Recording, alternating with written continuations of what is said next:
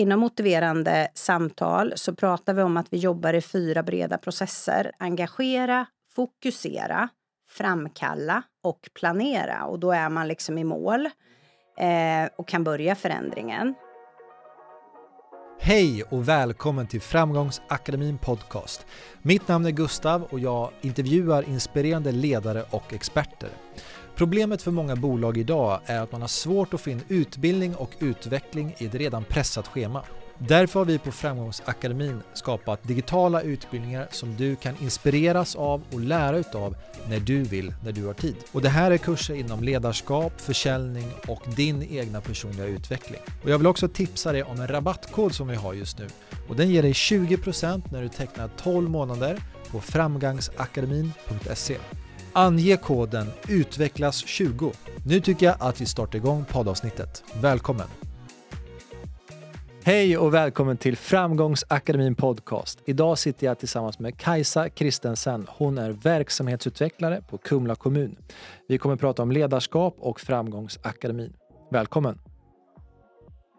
Varmt välkommen till Framgångsakademin Podcast och idag sitter jag här tillsammans med Kajsa Kristensen från Kumla kommun. Välkommen! Tack så jättemycket! Vem är Kajsa? Oj, vem är jag? Eh, ska vi ta den långa storyn på dinosaurien? Eh, nej, jag är socionom i grunden och Eh, är utbildad till eh, psykoterapeut med familjeterapeutisk inriktning och har jobbat inom missbruksvård, jag har jobbat inom barnpsykiatrin på BUP och jag har jobbat inom socialtjänsten. Så i grunden är jag kliniker kan man väl säga. Det är väl det jag har pysslat mest med i mitt liv. Eh, att jobba med människor helt enkelt. Men parallellt med det så har jag ju hela tiden i princip haft ett väldigt stort intresse av eh, verksamhetsutveckling, att vi förbättrar våra metoder i det vi gör. Ganska tidigt när jag var ung så kom jag in i att börja utbilda i en hel del olika metoder. Eh, där eh, ASI, en, en strukturerad intervjumetodik och eh, motiverande samtal som sen blev den delen som jag har jobbat allra mest med egentligen genom åren i olika former. Så att jag kan väl säga så här att eh, jag är en eh, dubbel natur. Jag har ett ben där jag utbildar och handleder och sen har jag ett ben där jag har varit kliniker parallellt. Så det är väl det som är min yrkesbana kan man säga. Mm, härligt. Mm. Och anledningen att vi sitter här idag är ju också för att ni är kunder på Framgångsakademin. Mm. Hur, eh, vi kommer gå in på det senare, men spontant, vad har ni tyckt om plattformen? Fantastiskt! Vi har använt den jättemycket faktiskt i Kumla och eh, det är ju lite olika där hur, hur mycket varje anställd har använt den. För det är ju fritt i och med att vi har köpt licenser till alla cheferna i socialförvaltningen. Så har man ju haft möjlighet att eh, disponera hela plattformen. Vi har sen då arbetat med att eh, skapa... Eh, vi har valt ut ett antal kurser då som alla ska gå och sen har vi i samband med det då sett till att vi har sammanstrålat och hållit workshops kring det. Så att vi har fördjupat det tillsammans och eh, haft en plan på hur det här årshjulet ska se ut i i vår förkovring i det. Då. Så att, eh, vi har fått positiv respons och eh, folk har tyckt att det här har varit ett väldigt kul sätt att eh, utvecklas tillsammans. Mm. Mm. Och ni har gått många kurser? Eh, ja, vi har, ja. vi har jobbat eh, tillsammans nu, vi är inne på den fjärde kursen ja. där vi gör gemensamt i, i ledarskap. Då. Mm. Och det är Annika Malmberg med Öka din självinsikt. Mm. Det är Fredrik Reinfeldt, Det moderna ledarskapet.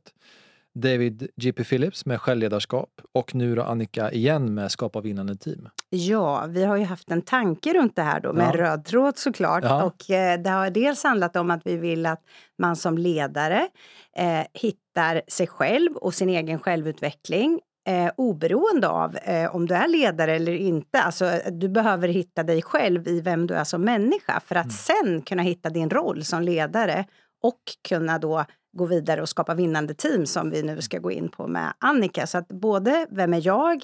Vad behöver jag för att bli den eh, bästa versionen av mig själv och hur kan jag då applicera det i mitt ledarskap? Och sen då bygga upp eh, människor eh, som passar med varandra och som kan optimera teamets eh, arbete. Mm, härligt. Och vi kommer fördjupa oss lite mer i det här efter vi har pratat om det, det, det första ämnet som egentligen är motiverande samtal. Ja. MI. Mm. Nu, nu vänder jag spår lite, men, men eh, vad är definitionen av MI? Eh, definitionen, mm. motivational interviewing, mm. eh, det är ju alltså, M står ju för motivational och interviewing eh, i ett, men i Sverige så säger vi motiverande samtal eftersom det amerikaniserade uttrycket intervju låter inte riktigt, det stämmer inte riktigt med det, det vi gör. Eh, man kan väl säga att motiverande samtal det är en metodik i både bemötande av människor, ett förhållningssätt, hur du är som människa när du möter andra och också en samtalsmetod med strategier eh, för att kunna hjälpa människor till förändring. Man har vidgat begreppet nu eh, på senare år, för det här är en metod som är under ständig utveckling. Och eh, upphovsmännen eh, Bill Miller och Steven Rolnick har ju skrivit om det. Det är den fjärde upplagan av en tjock bok nu som har kommit ut och i den har man vidgat begreppet till att vi ska hjälpa människor att växa och förändras. Så både växa som individer men också förändras och i grunden har det varit en samtalsmetodik för att hjälpa människor till förändring. Eh, att man är överens om vilket förändringsmål man har och sen så jobbar man tillsammans mot det. Mm, härligt. Och i den här podden pratar vi mycket om, om ledarskap och kommunikation. Och eh, många av de som lyssnar nu eh, känner igen sig i de här eh, utmaningarna som ledare och chef. Eh, om man använder då motiverande samtal, vad har du sett för resultat av att använda eh, motiverande samtal? Vi kommer gå in lite mer på hur man gör rent eh, sakligt, men, men vad, vad har du sett för resultat? Jag skulle säga att Ehm, det viktigaste med eh, att man använder sig av eh, motiverande samtal som ledare handlar egentligen om samma sak som när du jobbar med det i behandling eller om du jobbar med det i olika typer av eh, andra relationella sammanhang. Som ledare, att, att få en allians och möta människan och vara nyfiket utforskande och ha större fokus på att locka fram saker från individen själv istället för att komma och utifrån lägga på saker. Det gör att du ganska snabbt får eh, ett förtroende, personen känner sig empatiskt bemött, eh, får tillit och i det, när man då har en lugn och trygg hjärna, eh, är man mer benägen att ta emot det ledaren har att säga till den anställde. Så att genom att använda sig av den här typen av samtalsmetodik och förhållningssätt så eh, skapar man goda relationer och en trygg arbetsplats. Och när du får till det eh, på det bästa sättet, då kan man också jobba tillsammans för att hitta vägar framåt, optimera eh, det man gör helt enkelt. Mm. Goda relationer och en trygg arbetsplats, det låter ju väldigt positivt.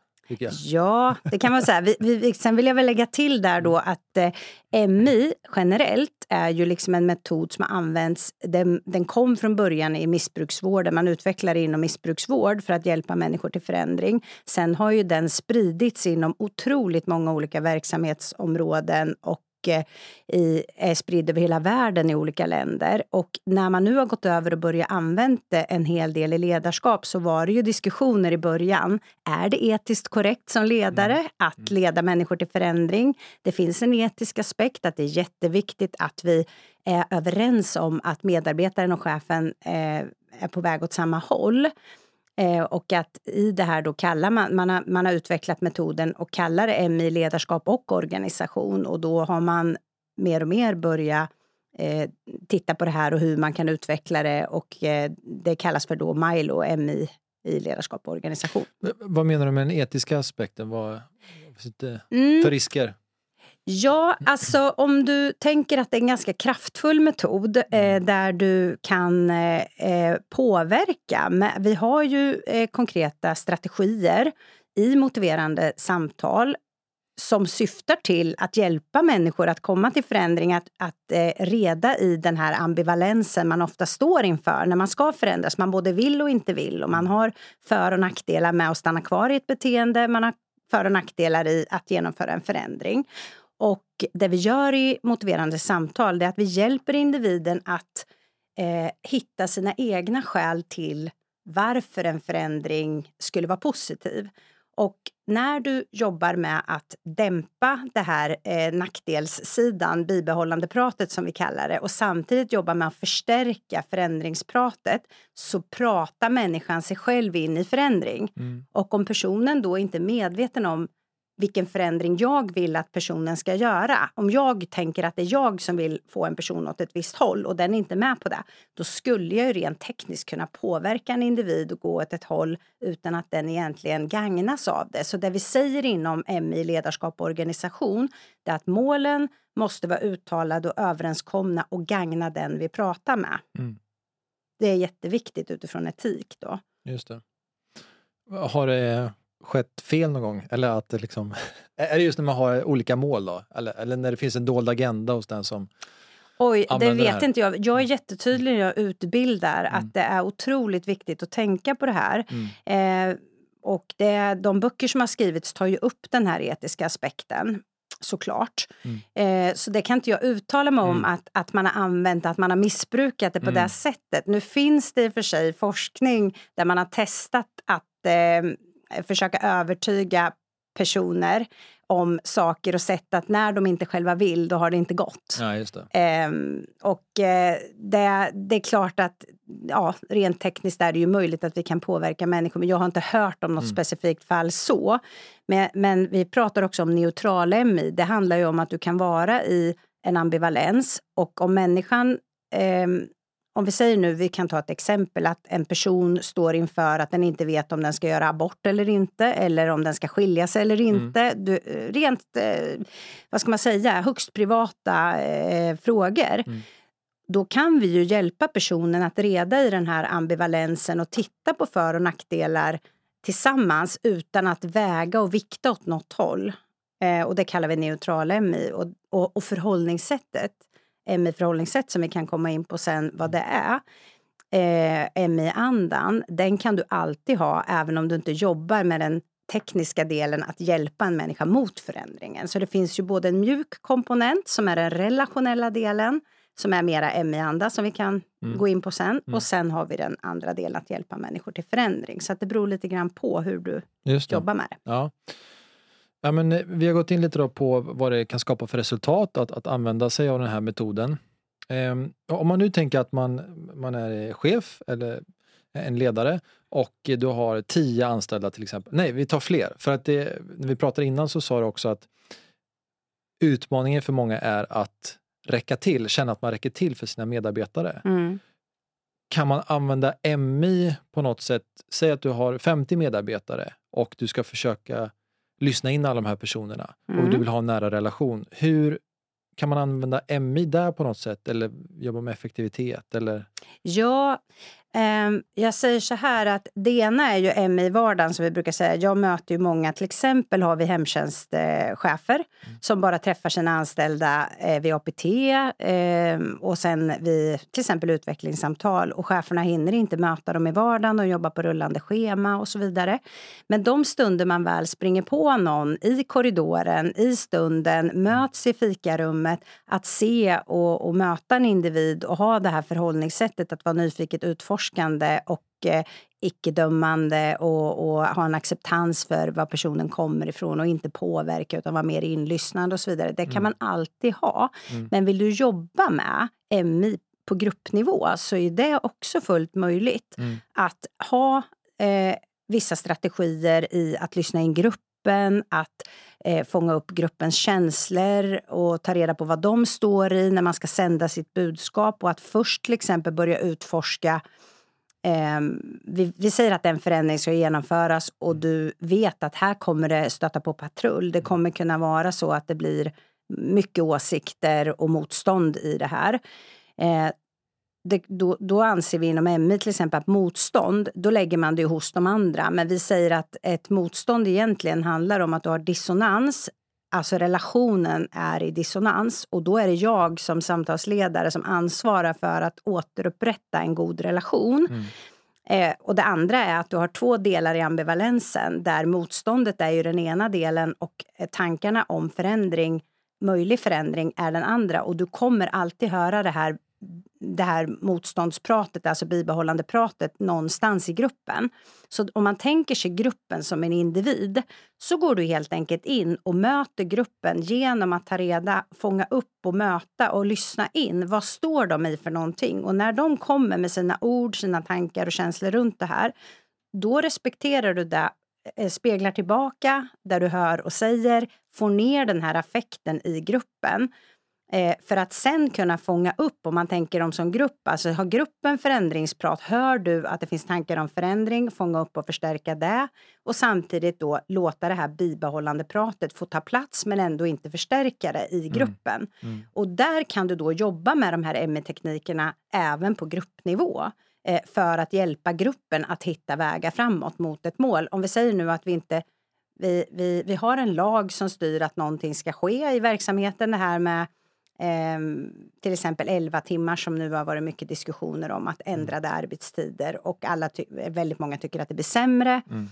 Eh, då kan vi inte ändra på att lagen säger att så här är det. Vi gör det till ett gemensamt problem som vi lägger utanför chefens eh, kontroll, det vill säga vi har de här är fakta, det här kan mm. vi inte göra något åt. Mm. Hur kan vi tillsammans hitta en lösning? Och genom att ge samtalstid till gruppen eller individen en stund och kan eh, vad ska man säga, man får ur sig sin frustration och blir lyssnad till och känner att man är hörd och sedd i det här svåra så har man lättare sen när man har fått ner och kommit till lugn och blivit hörd och sedd och fått ner affekten att också vara beredd att lyssna på vad chefen kanske har att säga.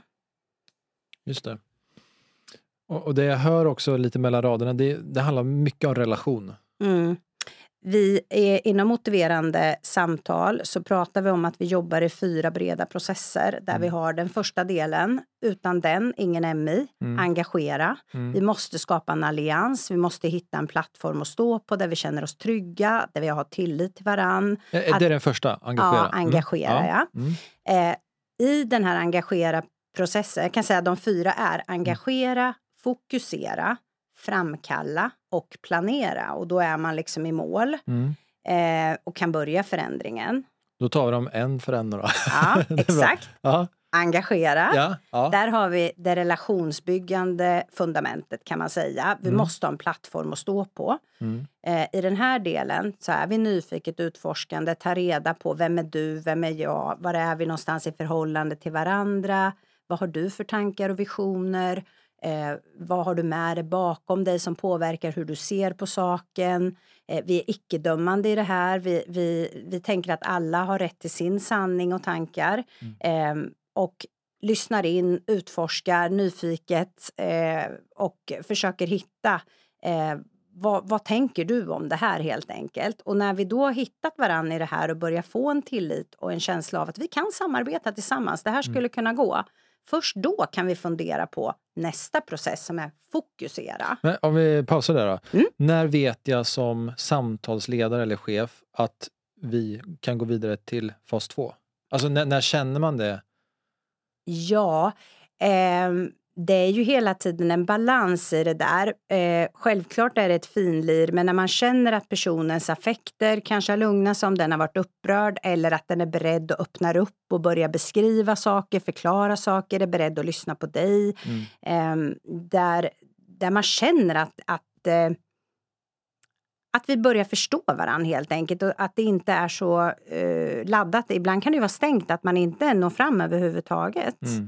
Mm. Och när man då också kanske utforskar om personen är beredd att diskutera eventuella mål mm. tillsammans. Mm. Jag skulle säga att det ofta handlar om, om det är ett aktivt samtal, att en person som är upprörd eh, över någonting, om man ger den 3 till 10 minuter mm. av sin tid där man inte sänder sitt eget budskap utan går in i det vi kallar reflektivt lyssnande, mm. där man lyssnar in, fångar upp känslor, inte försöker argumentera för förändring, eh, inte dra på sig fixarbyxorna som vi mm. säger och, och eh, lösa problem utan bara fånga upp vad sitter personen med. Mm. Eh, och återspegla det, eh, sätta ord på det man hör så att man, personen känner sig förstådd. Ja, personen, eh, den här chefen har faktiskt fattat vad jag menar här. Ehm, och eh, sen kanske stämmer av då med en sammanfattning. Okej, nu har jag uppfattat dig så här. Är det så här du känner? Det här, det här är jobbigt för dig och så vidare. Mm. När man börjar få och märka där, ja, jo men det är så här. Då, då möts man i det här. Då någonstans kan jag börja fundera på eh, kan vi hitta ett mål i det här? Har vi ett gemensamt mål? För där kan det ju också vara nästa process då, som vi säger, fokusera. Eh, för att ha ett gemensamt mål så måste vi vara överens om vilken väg vi ska gå.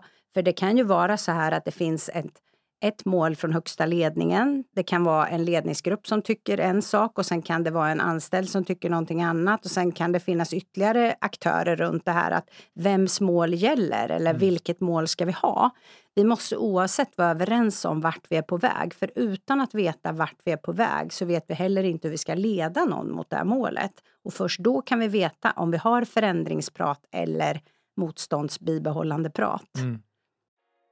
Är du HR-chef, försäljningschef eller kanske VD och du vill engagera din personal, du känner nu under hösten att det är grått och trist och du vill att attityden ska stärkas från medarbetare och ni vill jobba med kultur, personlig utveckling, försäljning, de här frågorna. Då föreslår jag att du går in på framgangsakademin.se och nu har du en unik kod för dig som är ny medlem. Den heter Utvecklas20. Utvecklas20 eh, med små bokstäver och den ger dig 20% på hela vårt paket på framgangsakademin.se. Gå in nu! Okej, om vi går vidare till fokusera-delen. Ja. Eh, vad, vad, är viktigt där att tänka på? Det är ju, det är ju att eh, vi eh, konkretiserar vad ska vi ha för mål. Eh, det kan ju vara ett mål i ett samtal ehm, bara att det här samtalet kan handla om att jag vill att medarbetaren ska komma tillbaka på ett uppföljande samtal där vi kan prata om det här igen. Eh, det skulle kunna vara ett långsiktigt mål eh, där vi behöver bryta ner i vilket ska det här delmålet vara. Ehm, så att det är ju hela tiden eh, en tanke om vart är vi på väg. För att om du tar nu ett exempel, en, en ehm, vi säger nu att en person är stressad på jobbet. Det kan ju handla om jättemycket olika delar. Du ska vägleda som chef en person mm. som kanske har frånvaro på grund av att den är stressad, den blir sjukskriven i perioder.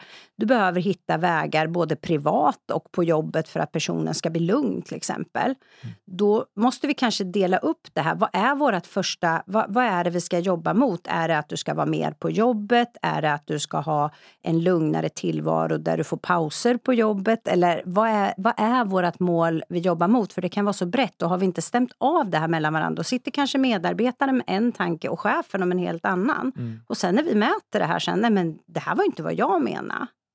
Då måste vi vara överens om vart är vi på väg. Mm. Och sen kan vi börja fundera, om vi är överens om det, okej okay, nu, nu har du och jag en överenskommelse. Människor är mer benägna att, att fullfölja saker som de själva har kommit fram till, när de själva hör sina egna argument till varför de vill göra någonting, då är man mer benägen att också göra det än när någon annan säger till dig. Så får du personen att själv eh, uttala sina visioner, sina tankar, då har du också större chans att få personen att gå dit. Mm. Hur, hur gör man då i en grupp? Eh, säg att man har då 50 medarbetare och 40 personer av de här är med på idén och 10 är inte det alls. Mm.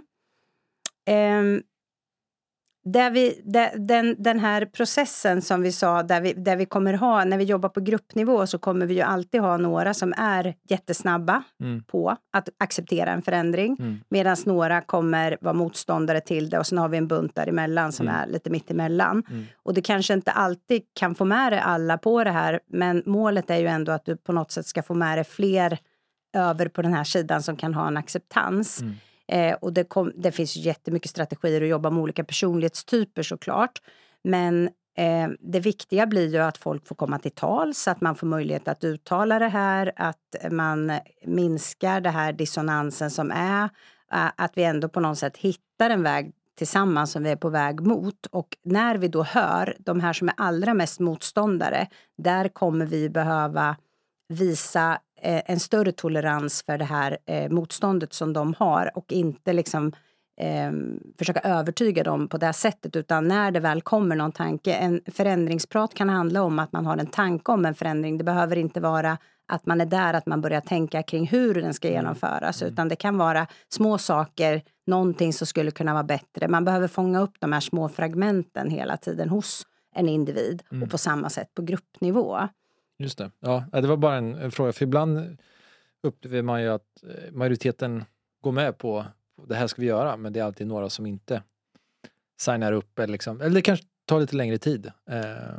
Och det kan ju alltid finnas en jag menar, vi har det här med organisationskultur som självklart också påverkar jättemycket. Mm. Har du en negativ spin-off i kulturen så det, det är ju eh, culture eats strategy for Mm. breakfast, så Mm. är det ju. Och Mm. jag menar, har du då en negativ organisationskultur, då måste man också börja jobba där. Och det är där vi ser att MI-andan, det här förhållningssättet som handlar om, det har jag inte ens gått in på, men vi hann bara till de här processerna, men MI-andan handlar om att vi har, vi ser det som att vi samarbetar istället för att vi toppstyr och kommer med egna idéer och experter. Mm. Det, det sker ett samarbete, vi funderar, vi utforskar tillsammans.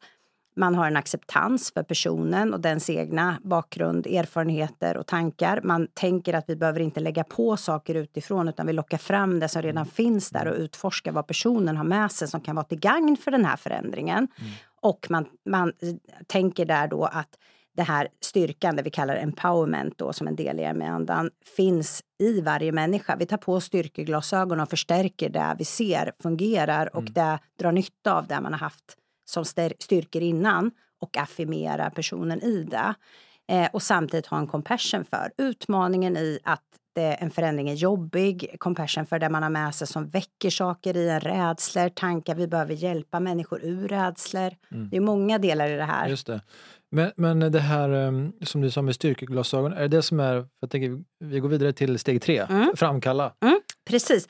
Eh, Styrkeglasögonen ligger i ME-andan kan man säga också som parallellt följer med. Nu blir det här lite Mm. rörigt hör Mm. jag, för ME-andan har vi med oss hela tiden när vi jobbar i de här stegen. Mm. Men när vi väl har hittat ett fokus, när vi kommer till framkalla, Mm. då handlar ju det om att locka fram förändring inuti människan och att när vi hör det här förändringspratet som kommer i olika delar kring eh, kring både vad vi har för behov, vad vi har för längtan, vad vi har för önskan eller om vi tittar tillbaka, har någonting varit bra förut som vi kan plocka upp och försöka komma tillbaka till eller har vi en vision framåt, vad har vi för värderingar? Mm. Här letar vi någonstans efter förändringsprat som sen konkretiseras på andra, eh, vad ska man säga, lite längre fram så kommer förändringspratet kanske i hur man ska göra den här förändringen, på vilket sätt, vilka åtaganden man, man eh, tar på sig för att göra förändringen. Mm. Och det här är ett brett spann. Men det vi gör under den här framkalla processen, när vi vet vad målet är,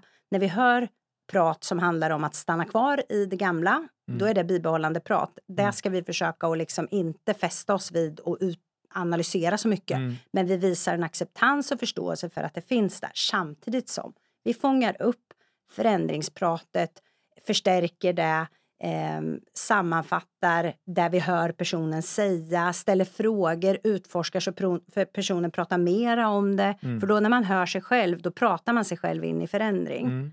Eh, och då fångar du upp det hos individen.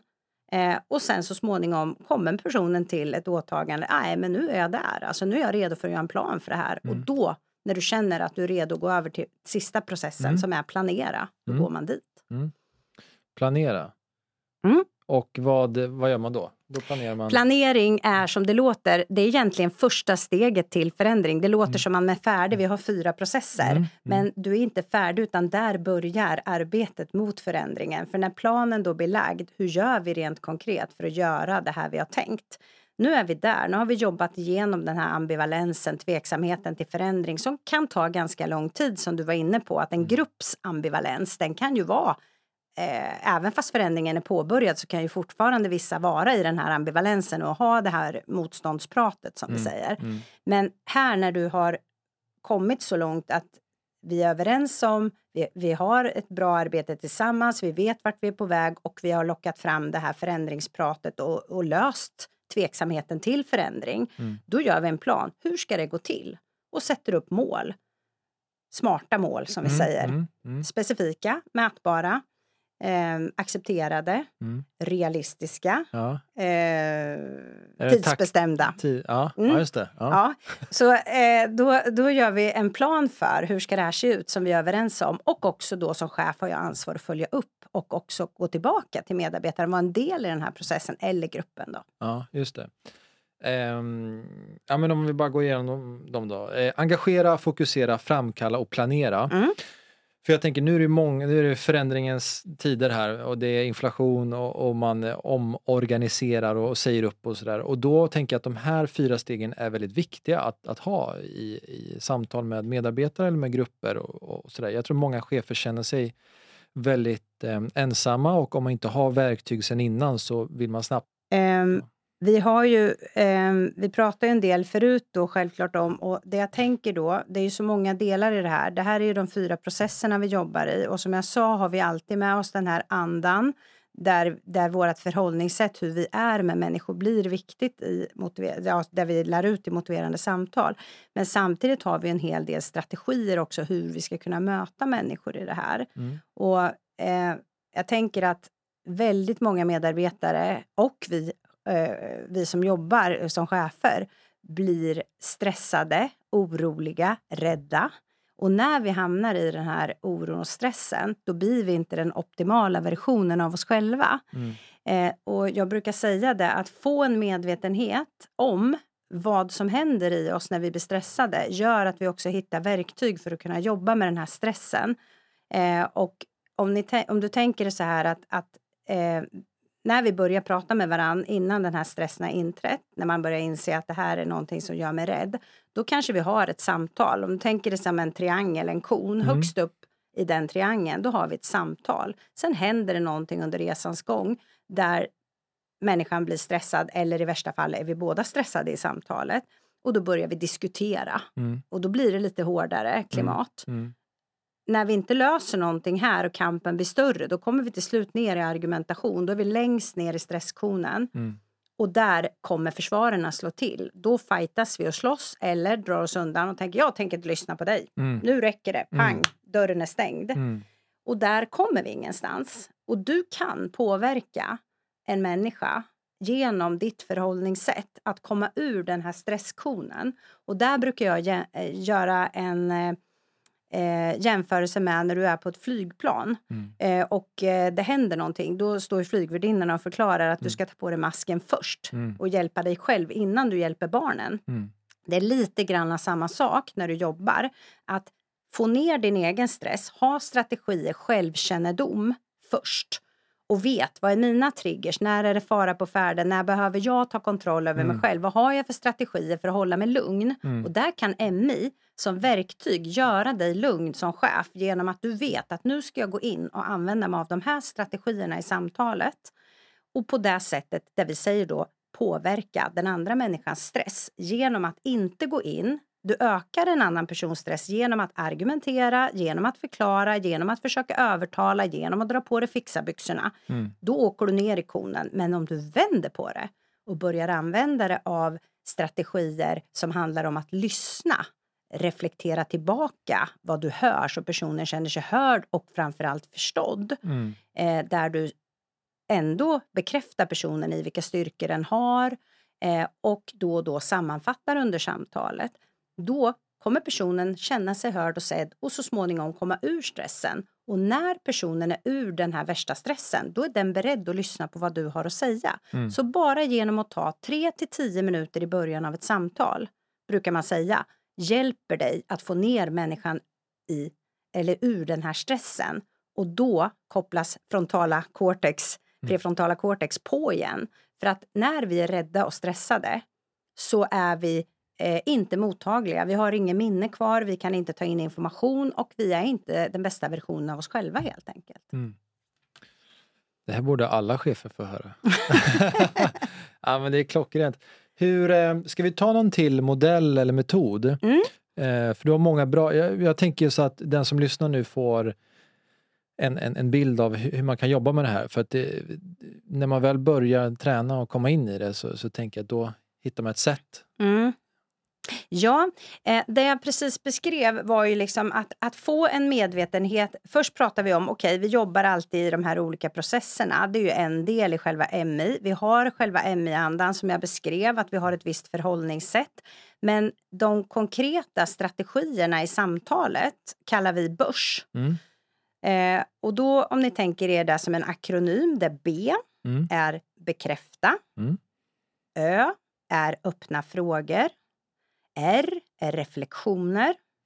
Och S är sammanfattningar. Mm. Eh, då har man med sig den här lilla verktygslådan i alla samtal oavsett var i vilk du är i processerna så har vi alltid med oss börs. Och sen har vi någonting som heter UVU som jag också mm. ska gå in på sen. Men mm. vi börjar med börs. Mm.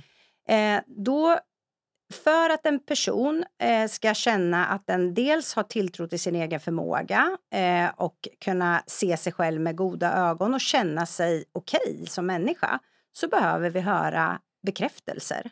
Att vi är individ, en individ som är kapabla, som har goda egenskaper, som eh, man har en acceptans för helt enkelt. Man känner sig respekterad som människa. Mm. Och genom att jobba med att bekräfta den andra människan, när jag hör den prata, när jag bekräftar personen i eh, vilka styrkor den har, eh, vilka ansträngningar den gör eh, och olika delar, då, då kommer personen känna att okej, okay, redan innan jag har påbörjat den här förändringen som vi ska försöka få till stånd, så har jag faktiskt goda sidor. Jag är redan respekterad och accepterad för den jag är redan innan jag gör den här förändringen som chefen vill att jag ska göra. Mm. Så genom att bekräfta styrkor och, och delar i personen mm. så kommer du bygga upp en allians för man känner sig mera eh, empatiskt bemött då också. Så det är bekräftelser. Mm. Sen sa jag det här att man ska vara nyfiken. Mm. Att, att vara nyfiket utforskande. Eh, för att en person som får berätta om sig själv och som får hjälp att vandra inåt och fundera eh, och komma fram till svaren själv eh, kommer vara mer benägen att, att vilja lyssna och fundera över dina tankar också. Mm. Så vi ställer öppna, öd, öppna frågor. Och öppna frågor är som en öppen dörr brukar vi säga. Det handlar om att jag inte styr människan vad den ska svara utan jag frågar vad, hur, varför och personen får berätta. Vad är stängda frågor? Det är frågor vi besvarar med ja eller ja. nej eller ja. ett årtal. Ja. Eh, typiska eh, formulärsfrågor. Mm. Eh, det blir mera som ett förhör. Mm. Medan de öppna frågorna gör att du får mer taltid på mm. den som du pratar med och mindre taltid på dig. Mm. Och det normala när man är, är, är, ledare är ju ofta att man mässar, eller hur? Mm. Mm. Man hamnar i att man, man ska, man förväntas vara den som tar ordet. Men det här är precis tvärtom. Mm. Här ska du få människan själv att mm. fundera, tänka och ibland är det utmanande för personalen för de förväntar sig, som att du går till doktorn. Mm. Du vill ju inte att doktorn ska fråga hur vill du göra? Nej, Nej men svara mig, mm. ge mig ett råd. Mm. Och när de efterfrågar råd så ska man fortfarande stå kvar. Vad tänker du? Vad tror du? Ja just det, så man ska inte ge sig där på något sätt? Nej, nej. för vi säger inom MI, vi får ge råd, ja. men då ber vi om lov först. Är det okej okay ja. för dig att jag ja. berättar hur någon annan har lyckats eller så? Men målet är att vi ska få den andra och, och väcka det här inifrån som jag sa. Så öppna frågorna är till för att också då inte få personen att få det här motståndet. För när du ställer en öppen fråga så får personen välja själv hur mycket den vill berätta, vad den vill berätta, vilken väg den går. Mm. Och sen fångar du upp, för du kan ändå styra med det, för då mm. fångar du förändringspratet när personen pratar mm. och riktar samtalet. Ja. Ja. Så det är öppna frågor. Mm. Sen det viktigaste skulle jag säga är reflektioner. Ja. Alltså sätta upp den här spegeln så mm. människan får syn på sig själv. Mm. Många gånger vet vi inte hur kloka vi är. Eh, vi hör inte våra egna klokskaper. Vi tror att vi är stängda och när någon annan sätter spotlighten och hjälper mm. mig att få syn på tankar, funderingar och reflekterar tillbaka dem. Det brukar vi säga att det är, du har ett isberg. Mm. Ovanför ytan, där har vi enkla reflektioner och det handlar om att bara spegla tillbaka exakt det människan säger med dina ord eller några andra mm. ord. Men mm. fortfarande bara det som syns. Under ytan, där har vi komplexa reflektioner som handlar om att du hittar eh, underliggande eh, tankar, funderingar som du anar finns där, Mm. men som inte uttalas. Mm. Och när du hjälper personen att få syn på det här, reflektera tillbaka, en värdering eller någonting som hänger ihop med något den har berättat tidigare, du ser samband, bygger pussel och chansar på vad menar du? Mm. När du ger tillbaka det, då händer det någonting i personen. Antingen säger den så här, nej, så tycker jag inte, och så kommer förklaringen. Mm. Eller så säger den, ja, det har du helt rätt i. Mm. Och sen fortsätter den prata. Just det. Och sen har du S, sammanfattningar. Genom att sammanfatta där du hör människan säga, eh, ge tillbaka en liten, eh, vad ska jag säga, binder ihop det vi har pratat om. Mm. Då visar du att du har hört personen och att du har lyssnat ordentligt. Att personen inte bara sitter och pratar för döva öron och Mm. att du är beredd att ta in den andra människans perspektiv. Mm. Så med hjälp av de här delarna, bekräfta, öppna frågor, reflektioner och sammanfattningar så vet man tekniskt att människor upplevs mer empatiska. Mm. Så du som chef kan där eh, visa mer empati och att du visar empati skapar en god miljö, en arbetsmiljö som blir positiv. Och då får du bättre allians, ett större engagemang och på det sättet kan ni nå större framgångar. Mm. Snyggt. Är det någonting mer du vill lägga till just kring MI-delen? Ja, det är ju ett tredje tips som jag skulle Ja. säga. Vi pratade om det här med stress som Mm. första. Och sen att, att ha koll på när stressen inträder, ha koll på sig själv och hjälpa medarbetaren ur stress. Det är första tipset. Och det Mm. gör vi med hjälp av det andra tipset, Mm. börs. Mm. Mm. Och sen har vi det tredje. Och det är, du ska ju självklart också ibland sända jobbiga saker, eller hur? Ja. Det kan man ju inte komma ifrån. Ja. Du måste gå in med negativa besked. Mm. Du måste eh, fatta beslut som kommer inte tas emot positivt. Ja. Och då jobbar vi med någonting eh, som heter utforska, erbjud, utforska. Mm. Vi jobbar med både information och feedback Mm. till personer. För Mm. det behöver vi också ge som chef. Negativ feedback ibland, Mm. positiv feedback. Mm. Men göra det i dialogform. Och då handlar det igen om samma sak jag pratat om, att lyssna in medarbetaren. Så då börjar man helt enkelt med att utforska vad känner medarbetaren till om det vi ska prata om Mm. eller hur tänker den runt den situationen du ska ge feedback på. Du utforskar helt enkelt var står individen, var sitter den med för tankar och känslor först. Mm. Du ska inte sända först utan Mm. utforska temat. Sen frågar du när du har hört en stund, då kan du anpassa ditt sätt att prata både eh, utifrån vilken nivå personen är på, vad den redan sitter med och, och då har du liksom återkopplat redan personens ord tillbaka så att den känner sig hörd och sedd Mm. och respekterad. Mm. Eh, sen efter det, då börjar du sända ditt budskap i små block och, och eh, stämmer av sen igen då med personen. När du har berättat en stund om det du tänker att du vill sända, stoppa dig själv och utforska. Okej, vad innebär det här för dig? Vad får du för tankar nu när jag har pratat? Hur känns det här för dig? Mm. Sen fångar du upp det med börs igen, bekräftar personen, reflekterar tillbaka, sammanfattar det personen pratar om. Mm. Sen kan du sända ett block igen. Och, och då när du sänder igen, fångar upp, funderar, vad tänker du nu? Vad får du för tankar? Sen gör du det här tills du är klar med det du vill sända, det vill säga i dialogform. Du mässar inte hela ditt budskap och sen är dörren stängd och personen går därifrån antingen tyst eller arg eller någonting. Utan du fångar upp känslorna som kommer, du visar empati för det som kommer, men du sänder ditt budskap. Och då får du ett mindre motstånd och har större chans att få fram ditt budskap. Så du behöver bli duktig på att ha en balans mellan att sända och lyssna. Mm. Och sända, prata. Prata. Ja. Ja, Ja. förlåt. Nej, men det, det är lugnt. Det är Mm. lugnt. Prata, eh, eh, prata, delge budskap. Mm. Eh, ja. Jag tänker vi går in lite på där vi börjar kring Framgångsakademin för att eh, du insåg ju tidigt att man kan kombinera de här med varann. Mm. Eh, kurserna och eh, MI. Berätta, hur, hur ser du på det här och hur har ni gjort?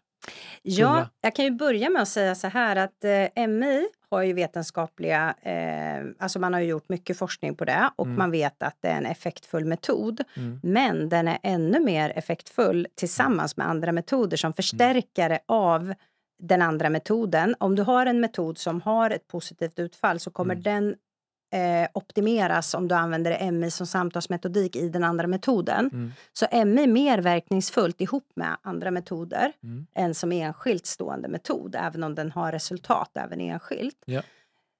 Eh, och det vi har gjort är ju att vi kombinerar, eftersom vi har MI, eh, jag har utbildat alla, eh, ja, de anställda som jobbar i eh, verksamhet tillsammans med brukare eller som utredare och så vidare. De är utbildade i motiverande samtal. Mm. Men vi har också utbildat alla ledare då, alla chefer i, i MI Mm. för att vi både då ska ha ledarskapet och eh, i relation mellan varandra, mellan chef och anställd och mellan anställd och de som behöver vår hjälp. För Mm. målet är ju att de som ska betala, eller de, alltså skattebetalarnas medel går ju till att vi ska hjälpa människor. Mm. Så vårt varför, vårt gemensamma varför är ju självklart att vi vill hjälpa människor att de ska få så bra bemötande som möjligt och vara så nöjda med våran tjänst som möjligt. Mm. Men i det här behöver vi ha en bra arbetsplatskultur Mm. och den skapar vi med hjälp av MI bland annat. Då. Mm. Mm.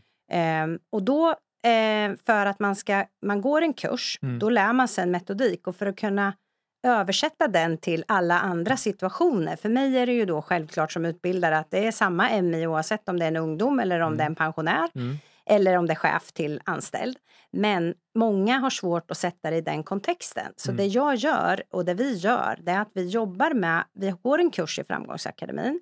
Sen har vi en workshop där vi jobbar tillsammans och bryter ner eh, där vi har lärt oss i kursen enskilt Mm. till ehm, vårat sammanhang, eh, omsätter det, översätter det kan man säga till Mm. våran verksamhet och workshoppar kring det i, i en eftermiddag. Just. Eh, och där i binder jag ihop det här de har lärt sig i MI och var hör vi att det finns MI i det här och när kan vi tillämpa metodiken på det här vi har lärt oss i Framgångsakademin-kursen. Mm.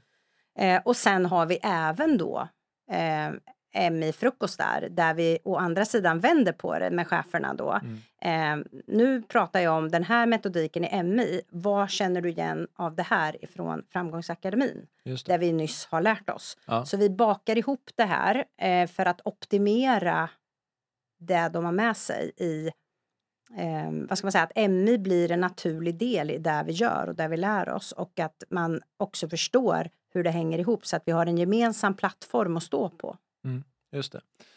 Och för dig som har hoppat in lite senare i avsnittet så MI är alltså motiverande samtal som vi pratar om. Ehm, och vad har du eh, lärt dig från kurserna i Framgångsakademin? Vad har du fått? Ehm, Nu går ni ju eh, Skapa vinnande team med Ja. Annika Malmberg. Ja, eh, vi har ju lagt upp det på ett sånt sätt att vi började med eh, Annika Malmbergs Mm. Öka din självinsikt. Mm. Eh, och där handlar det om, jag har ju, har ju varit inne här, när jag sa det här med stresstriangeln eh, triangeln, Ja. så sa jag hjälp dig själv på med masken först. Ja. Och vad handlar det om? Jag måste ha självinsikt, jag måste ha förmåga att styra mig själv, jag måste vägleda mig själv. Och båda de två första kurserna vi hade Mm. handlar ju om det. Mm. Alltså öka din självinsikt, Annika R Malmberg. Mm. Och David J.P. Phillips handlar om självledarskap. Mm. Du ska bygga upp dig själv genom att förändra dina tankar.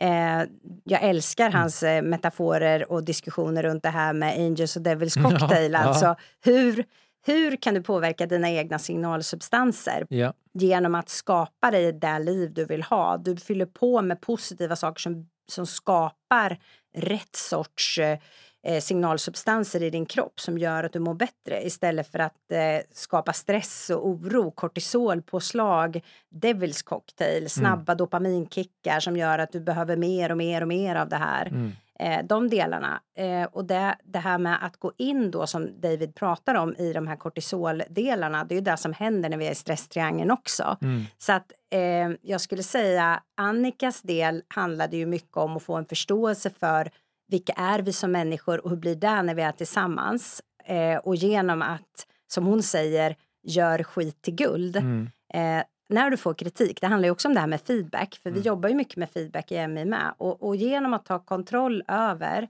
hur vi jobbar med återkoppling till varann, få förståelse för varann ehm, och eh, den förståelsen gör att vi också får ett bättre klimat. För när vi har en förståelse, det är där vi nyttjar i MI med, Mm. eh, så blir vi mindre konfrontativa, vi blir mindre irriterade. För att har vi compassion och förståelse för varandra, då är vi inte lika benägna att gå in i de här konflikterna som är. Så att genom att öka en förbättrad samtalsmetodik, en ökad självinsikt som vi har jobbat med i de här kurserna, mm. så kan du sen gå vidare till där vi gick in med, med Reinfeldt, leda eh, ledarskap i en dynamisk tid i, och mm. även då bygga de här teamen. Hur kan jag optimera förståelsen mellan förståelsen för vad medarbetarna har för goda sidor och vad de har för styrkor och vilka utmaningar de har. Hur kan du då skapa team som optimeras när du väl behöver utföra någonting i verksamheten? Mm. Sätt ihop rätt människor för att optimera det du ska göra. Ja.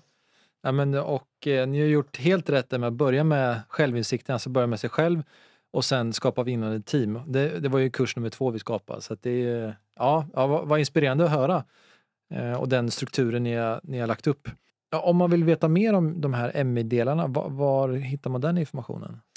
Oj, det finns ju, vi är många i landet. Jag är medlem i någonting som heter MINT, mm. Motivational Interviewing Network of Trainers. Mm. Och då har man gått en internationell eh, tränarutbildning mm. för att eh, vi ska kvalitetssäkra det vi gör. Att mm. vi har en etisk anda. Vi mm. delar eh, en förening där vi delar material. Vi, vi, vi träffas regelbundet, vi uppdaterar oss och håller en, eh, en kvalitet i det vi gör helt mm, enkelt. Mm. Så att vi mintare som vi säger mm. Eh, erbjuder ju kurser och söker man på Motivational Interviewing Network of Trainers så hittar man de som, är, eh, med, eh, som finns där och alla håller olika typer av kurser.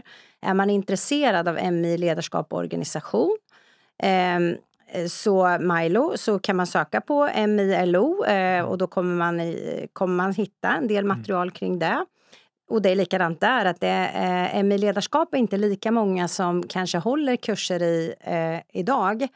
Eh, men jag tror att det här är någonting som är på, på frammarsch och det har skrivits en hel del böcker eh, i det. Vi har eh, eh, eh, Anette Sögaard Jensen och Colin Marshall som har skrivit en bok eh, som är jätte, jättebra. Det är en tjock och den avhandlar mycket runt det här med etik och, och också praktiska exempel från verksamhet när man jobbar mm. med, med ledarskap. Mm. Sen har du Maria Högberg har nyligen skrivit en bok eh, som är ganska liten, enkel, eh, tillgänglig, som beskriver MI metoden kan man säga och hur du kan applicera den som ledare. Så är man nyfiken och bara vill ta del av lite grann så tänker jag att Marias mm. bok är mm. jättebra. Mm. Så att, eh, det går att läsa sig till mm. och, och det finns... Eh, jag har själv eh, ska, eh, tagit fram en digital e-kurs man kan gå i MI. Den är inte riktad mot ledare men det är mm. grund-MI tillsammans med Comlit som nu Gotia har tagit över. Mm. Den kan man också köpa plats till. Eh, och sen är det ju olika ja, det finns många olika utbildare i Sverige. Som... Vi kanske ska skapa en kurs på Framgångsakademin i det här? Ja, det kanske det, det, det, det låter klockrent tycker jag. Ja. Ja, det vore kul. ja, verkligen. Ja, men, men stort tack för att du kom hit och delade det här och hur ni jobbar med och att ni har Framgångsakademin för så många chefer på Kumla kommun. Det, det är väldigt roligt tycker vi också. Ja, och det har ju varit otroligt dynamiskt. Och vi, självklart utvecklar vi det här hela tiden. Mm. Eh, jag och eh, min chef då, mm. tillsammans med Filip, Filip Malik har ju mm. dialoger hela tiden hur vi ska kunna eh, göra eh, nya event runt det här och hur vi kan optimera det genom att använda Framgångsakademin, delar av kurserna i kanske dialoger på APT och så vidare. Så att det finns ju hur mycket som helst man kan göra mm. med materialet, ja, tycker ja, verkligen. vi. Mm. Ja, och det finns ju oerhört många övningar till varje eh, film. Mm. Eh, men så stort tack för att eh, du kom hit. Hoppas ja. vi ses snart igen. Ja, tack så jättemycket. Tack så mycket. Tack.